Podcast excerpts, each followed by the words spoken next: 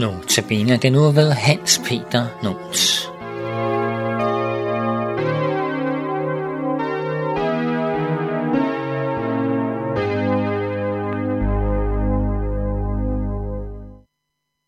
I denne uge handler det om frimodigheden i Kristus.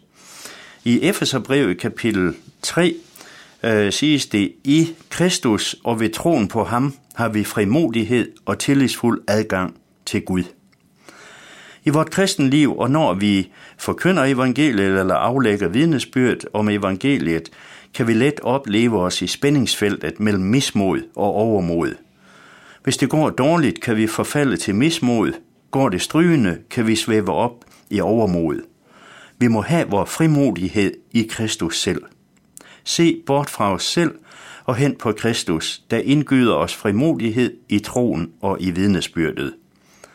Vor frimodighed har altså sin ankergrund i Jesu Kristi død på Golgata og opstandelse påskemorgen for os.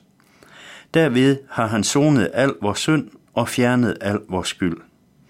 At tro på, at det gælder netop for os, er det eneste, der kan give os frimodighed og bevare os i den. Sådan kæder Jesus selv troen på ham og frimodigheden sammen, således i helbredelsen af den lamme, vær frimodig søn, dine sønder tilgives dig, og i helbredelsen af kvinden med blødningerne, vær frimodig din datter, din tro har frelst dig. Som det siges i Hebræerbrevet kapitel 10 ved Jesu blod, har vi altså frimodighed til at gå ind i helligdommen af den nye levende vej, som han har åbnet for os gennem forhænget, det vil sige ved sit jordiske lægeme, og vi har i ham en stor præst over Guds hus. Derfor kan vi med frimodighed træde frem for nådens trone, for at vi kan få barmhjertighed og finde nåde til hjælp i rette tid.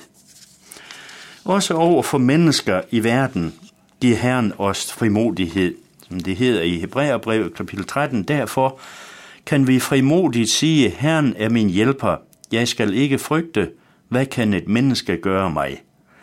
Vi må altså ikke kaste vores frimodighed bort, men holde os til Herren, der vil hjælpe os. Et eksempel er Paulus, som i 1. Thessaloniker brev skriver, men skønt vi, som I ved, lige var blevet plaget og mishandlet i Filippi, fandt vi frimodighed i vor Gud til at forkynde hans, hans evangelium for jer under mig en kamp. Derfor er det vigtigt at bede for hinanden i menigheden, når vi går i vidnesbyrdets tjeneste.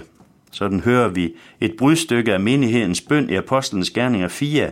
Og nu, Herre, giv dine tjenere at tale dit ord med fuld frimodighed.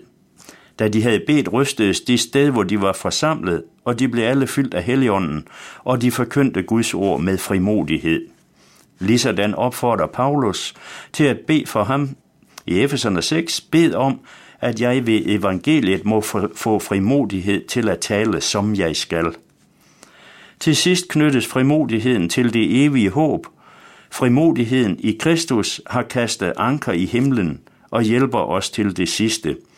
Således siger apostlen Johannes i 1. Johannes 2, og nu, kære børn, bliv i ham, for at vi kan have frimodighed, når han åbenbares, og ikke skal stå med skam over for ham ved hans genkomst. Og senere, deri er kærligheden fuldendt i os, at vi har frimodighed på dommens dag, for som han er, er også vi i denne verden. Sådan må vi holde fast ved den frimodighed, vort håb giver os. I kraft af Jesu Kristi gerning for os, kan vi altså have frimodighed i troen på ham, og dermed fortrøstning til Gud.